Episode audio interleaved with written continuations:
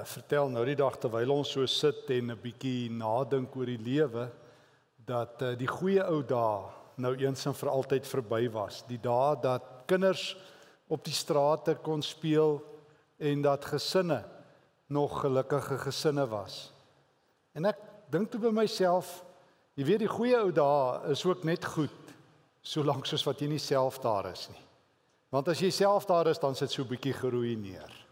Dan uh, is dit alweer nog 20 jaar terug sal jy gou-gou agterkom. Maar feit is dalk was die goeie ou dae nie altyd so goed nie, veral nie as dit gaan oor families, gesinne, huishoudings nie. Jesus vertel vir ons 'n aangrypende verhaal oor hoe hy 'n nuwe huishouding skep. Kom ons sluit vanoggend aan by die aangrypende verhaal van uh soos wat ons dit noem die verlore seun ongelukkig 'n verkeerd benoemde gelykenis deur die vertalers. Dit gaan nie oor die verlore seun nie. Hierdie is 'n is 'n verhaal van um twee disfunksionele kinders, maar ons kom daarby. Maar maar kom ons kry net 'n stukkie agtergrond uh om hierdie verhaal goed te verstaan. En dit is dat die goeie ou dae toe nou nie so goed was nie. Die ou dae, die tyd van die Bybel, toe die Bybel geskryf is, het die Grieke en die Romeine en die Jode, veral in die tyd van die Nuwe Testament, 'n radikaal ander siening van huishoudings, familie en gesinne gehad. Byvoorbeeld het ehm um, die Romeine uh, met name keiser Augustus, die keiser in wie se tyd ehm um, Jesus gebore is, het hy 'n wet gemaak wat bepaal het dat niemand onder ouderdom 12 in die Romeinse ryk kon trou nie. Ons weet van gevalle waar mense vroeër as dit getrou het en die keiser het net 'n wet daarop gesit. 12 is die trououderdom. Vervolgens was hierdie idee dat jy verliefde trou glad nie aan die orde van die dag nie. Dis 'n baie liberale uitvinding om verliefde te trou. Glo my, kom van nou die dag af ouers het besluit, familie het besluit, hulle het matchmaking gedoen soos wat die Engelse woord sê. Hulle het besluit met wie jy trou. En dan weet ons in die Romeinse wet in die eerste eeu kon 'n pa eers na die geboorte van sy kinders besluit of hy hulle wil hê. Dit het die Romeinse wet bepaal in die eerste eeu. Uh, al verwag jou vrou en as hy kinders gebore word, as jy onder geen regsverpligting om hy kinders te aanvaar nie. Die ritueel het min of meer as volg geloop. Jy het uh, as die kindjie gebore is in die kamer ingestap en as die pa die kind opgetel het en vasgehou het, dan kon die kind bly. En as die pa sy rug gedraai het op die kind, dan moes die kind die ry kry voor sononder. Ons het heelwat tekste beskikbaar vandag uit die eerste eeuse wêreld dat ehm um, Romeinse ouers hulle kinders dan op die ashoop gaan gooi het en dat kinderlose egpare dikwels op die ashoope gaan loop het in die hoop hulle kon 'n babietjie nog kry voordat die hyenas en die honde uh ook daarop gedaag het. Trouwens ek het al twee latynse tekste te lees gehad uit die eerste eeu waar Romeinse um soldate opgeroep word tot diensplig en dan vind hulle na die tyd uit dat hulle vrou swanger is en in albei briewe het die het die, die soldaat dan geskrywe As dit 'n seun is, laat hom leef. As dit 'n dogter is, kry haar uit die huis uit. Dit was die wet. Ook het die Romeinse wet bepaal dat jy jou kinders as slawe kon verkoop. Trouwens, hierdie hierdie wet is eers herroep in die jaar 525 na Christus deur keiser Justinianus. En uh, in die Joodse tradisie is dit ook gehandhaaf dat jy selfs jou kinders kon laat doodmaak as hulle nie aan jou gehoorsaam is nie. So bid jou aan. Eenmiddag kom vrou lief by die huis. Dis lekker stil in die huis en sy vra: "Skat, waar's die kinders?" En jy sê: "Ek het goeie geld op hulle gemaak vandag. Hulle is verkoop. Jy sal hulle nooit weer sien nie." En dan kan sy niks sê nie want die Romeinse wet het dit gehandhaaf. Nie die Bybel nie. Ek praat van die wêreld waar binne die Bybel ontstaan het. Juis in hierdie slegte goeie ou dae by wyse van Spreuke in hierdie wêreld van disfunksionele huise. Ja, ook in huise waar as jy nog gelukkig was om in 'n gelukkige huis groot te word, is die kans meer as 50% gewees dat die vrou by kindergeboorte sou sterf. So hoog was die mortaliteitssyfer. baie baie kinders het met 'n enkel ouer groot geword in die eerste eeu met net 'n pa. En dit bring ons by hierdie aangrypende verhaal, by daardie groot gelykenis, daardie gelykenis van ons Here Jesus uh met die twee disfunksionele kinders en die jammerhartige pa. Dis wat ons eintlik hierdie verhaal moet noem. Die jammerhartige vader en sy disfunksionele nuwe huishouding wat hy kom red. En en dit vertel vir ons hierdie storie van van 'n jongste seun en soos wat die Hollanders sou sê hy's 'n regte klein brat. Hy verklaar sy pa dood want dis wat jy doen as jy jou erfporsie vat. Daardeur sê jy per implikasie pa jy het toe gesterf. Jy's 'n lewende dooie. Ek wil met jou niks meer te doen hê nie. Hy skryf sy huis af, sê familie en hy wy. Ek onthou my kinderdae ek een keer uh, was daar so 'n flamboyante dominee wat um, van die amper wou ek gewaag het om sê van die min, maar maar hy het so preek gehad eendag van die verlore seun en hy vertel toe so ewe melodramaties vir ons dat toe ehm um, hierdie jongste seun toe nou sy erfporsie kry, hy sê onmiddellik na die na die na die na die motorhandelaarskap toe wat al hierdie sportmodelletjies verkoop en hy trek vir hom so 'n sportkar uit moet so afslaan kappie en hy ry daar by sy pa se huis in en hy maak so draai met sy sportkar en hy sê cheerio dad. Daar gaan hy ek sal dit nooit vergeet nie. Ek dink nie hy het gesê cheerio dad nie. Hy het maar net gegaan.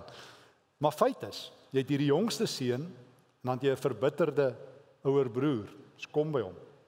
'n broer wat sy gewese boetie dood verklaar en briesend kwaad is dat hy terugkom. Maar die eerste helfte van hierdie verhaal vertel vir ons van van hierdie seun wat die pad vat. Hy gaan blaas al sy erfgeld. Hy gaan blaas dit op partytjies op 'n uh, eh, losbandige lewe en soos wat dit met geld gaan, as jy dit vinnig verdien, dan gaan dit maar vinnig daarmee heen ook en toe hy hom weer kry, toe's alles weg. En dan tref die elende hom van armoede. En dan Seker die ergste ding wat met 'n Jood kan gebeur as jy met die varke moet kompeteer vir kos. Bid jy dit aan jy's 'n Jood en jy moet varke se kos eet en jy moet beklei met varke voordat jy dit uh, in die hande kan kry. En dan maak hy 'n keuse om terug te gaan na sy pa toe, maar hy weet hy kan nie as 'n kind terugkom nie in Joodse tradisie. As jy dit gedoen het wat hy gedoen het, is jy dood. Jy's doodverklaar. Want die familie doen dan dieselfde terug. Trouwens, Ons het tot vandag toe nog die gebruik in baie oosterse lande wat hulle noem honor killings. Um eerbare doodmaak waar 'n jong meisie sonder haar pa se toestemming gaan trou met 'n man. Is dit die taak van die oudste broer om wraak te neem of die dorpmense om die eer van die pa te red. Ek onthou jy vir my studente daaroor studie gedoen en uh in die 90er jare nog en, en ons kon op daardie stadium um 25 sulke sogenaamde honor killings selfs um in Jordanië nog opspoor waar die oudste broer uh byvoorbeeld 'n suster doodgemaak het en uh die familie se eer gered het. So dis 'n disfunksionele huis van nou af. Maar maar geliefdes vriende, die aangrypende is is hierdie is hierdie Vader, hierdie God En dit dit is dis God wat eintlik die hartklop van hierdie nuwe familie is. Hierdie stikkende huishouding wat uitmekaar val van gewese kinders, van 'n kind wat wraak in sy hart het.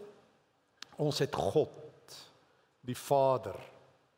Die Vader met die lekker hart.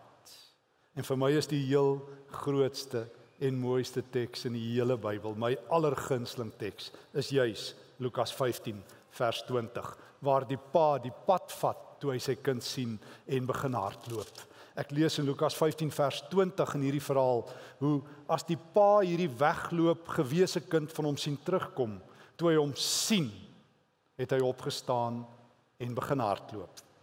O ja, dit is baie vreemd. Die dorpsmense sou gefrons het. Die dorpsmense sou dalk ook gehardloop het. Wie weet as die oudste broer daar was, het hy ook gehardloop, maar met 'n mes in sy hand, maar die pa hardloop met 'n lekker hart. Nou ek onthou in my kinderjare het uh, my oupa aan 'n lekker hart gelei. As my ouma bel en sê oupa se hart lek, dan moet ons ry. Want ek het gedink as daai hart nie ophou lek nie, as ons nie 'n washer of iets inkry daar nie, dan is oupa dood. Want dis al wat ek geweet het, as die kraan lek het my pa gesê sit 'n washer in.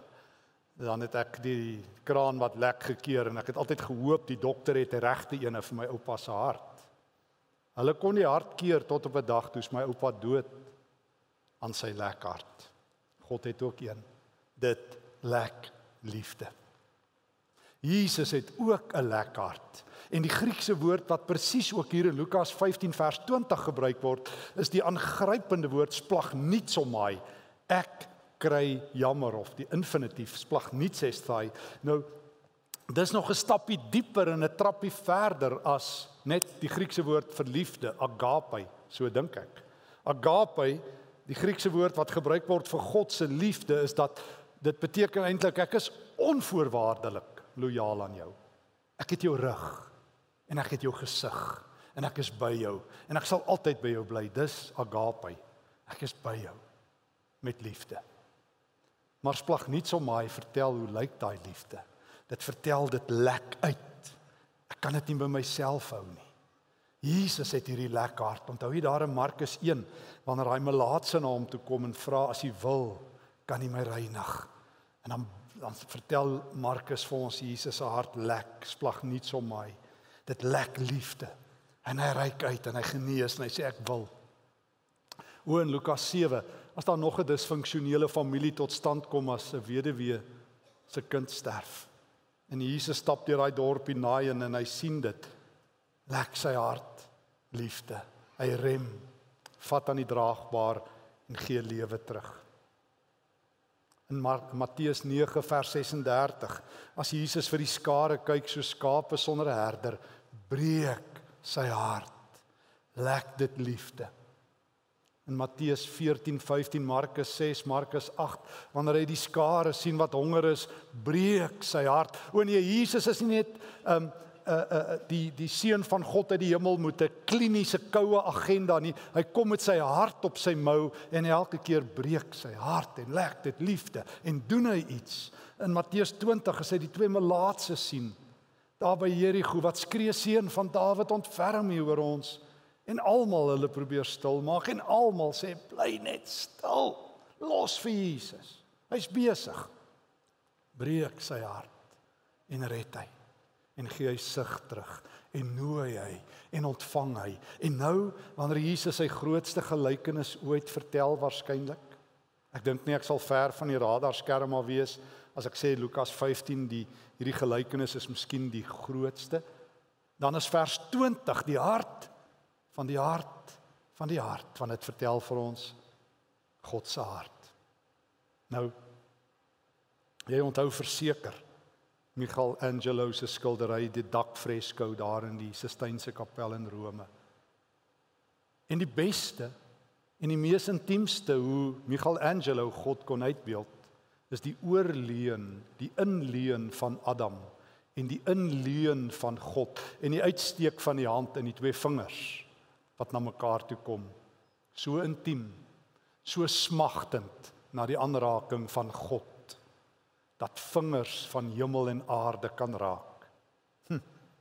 Maar wanneer Jesus God skilder, sy eie Vader wie se hart hy ken, is dit veel meer intiem. Dis die God wat sien die wegloopkind, die stikkende familie, die uitmekaar val huisgesin, die die enkel ouer wat weerloos gelaat is sonder 'n kind wat dood is al leef hy.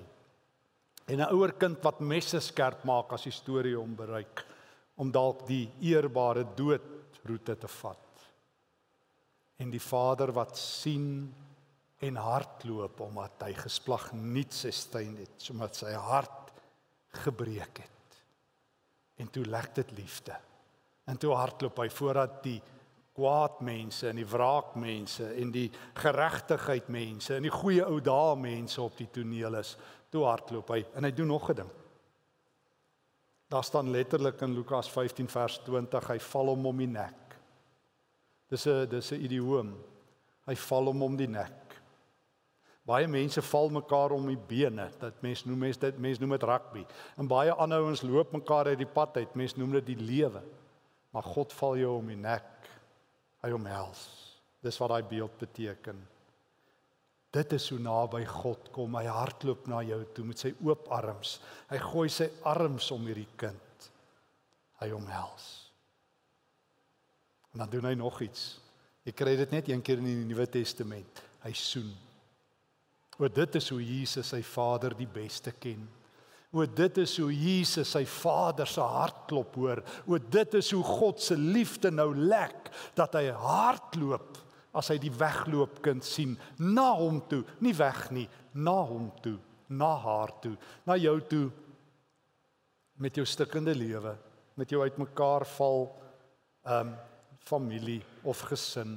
O God is hier vir 'n nuwe huishouding, vir 'n oorbegin, 'n voorbegin, 'n inhardloop 'n omhelsing, 'n soen. God in volkleer, God op sy genadigste beste. God soos wat Jesus hom vertel, die beste wat ons kan doen is die die die vinger van God wat uitreik en my vinger wat wil terugvoel. Die beste wat Jesus vertel is die hartlopende omhelsende soenende God. En dan dan geliefdes, terwyl hierdie God so soen en uitreik, kom daar 'n nuwe huishouding tot stand. 'n nuwe huishouding en 'n nuwe fees breek aan. 'n Nuwe huishouding en 'n nuwe fees. Want wanneer God opdaag, daag die fees op. O die oudste kind as hy dit hoor en jy kan dit gaan lees, is briesend verby. Hoekom nie ek nie? Hoekom word hierdie hierdie persoon terug verwelkom in die huis? Hy's dood.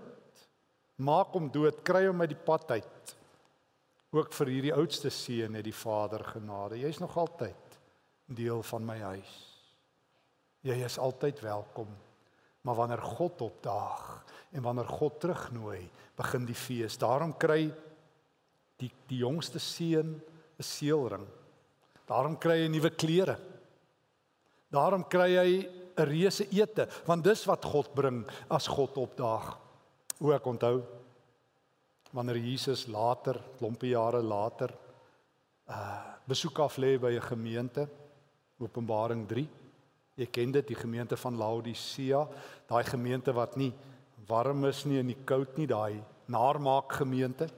En dis wat Jesus sê hy moet eintlik doen, hy moet eintlik uitbraak.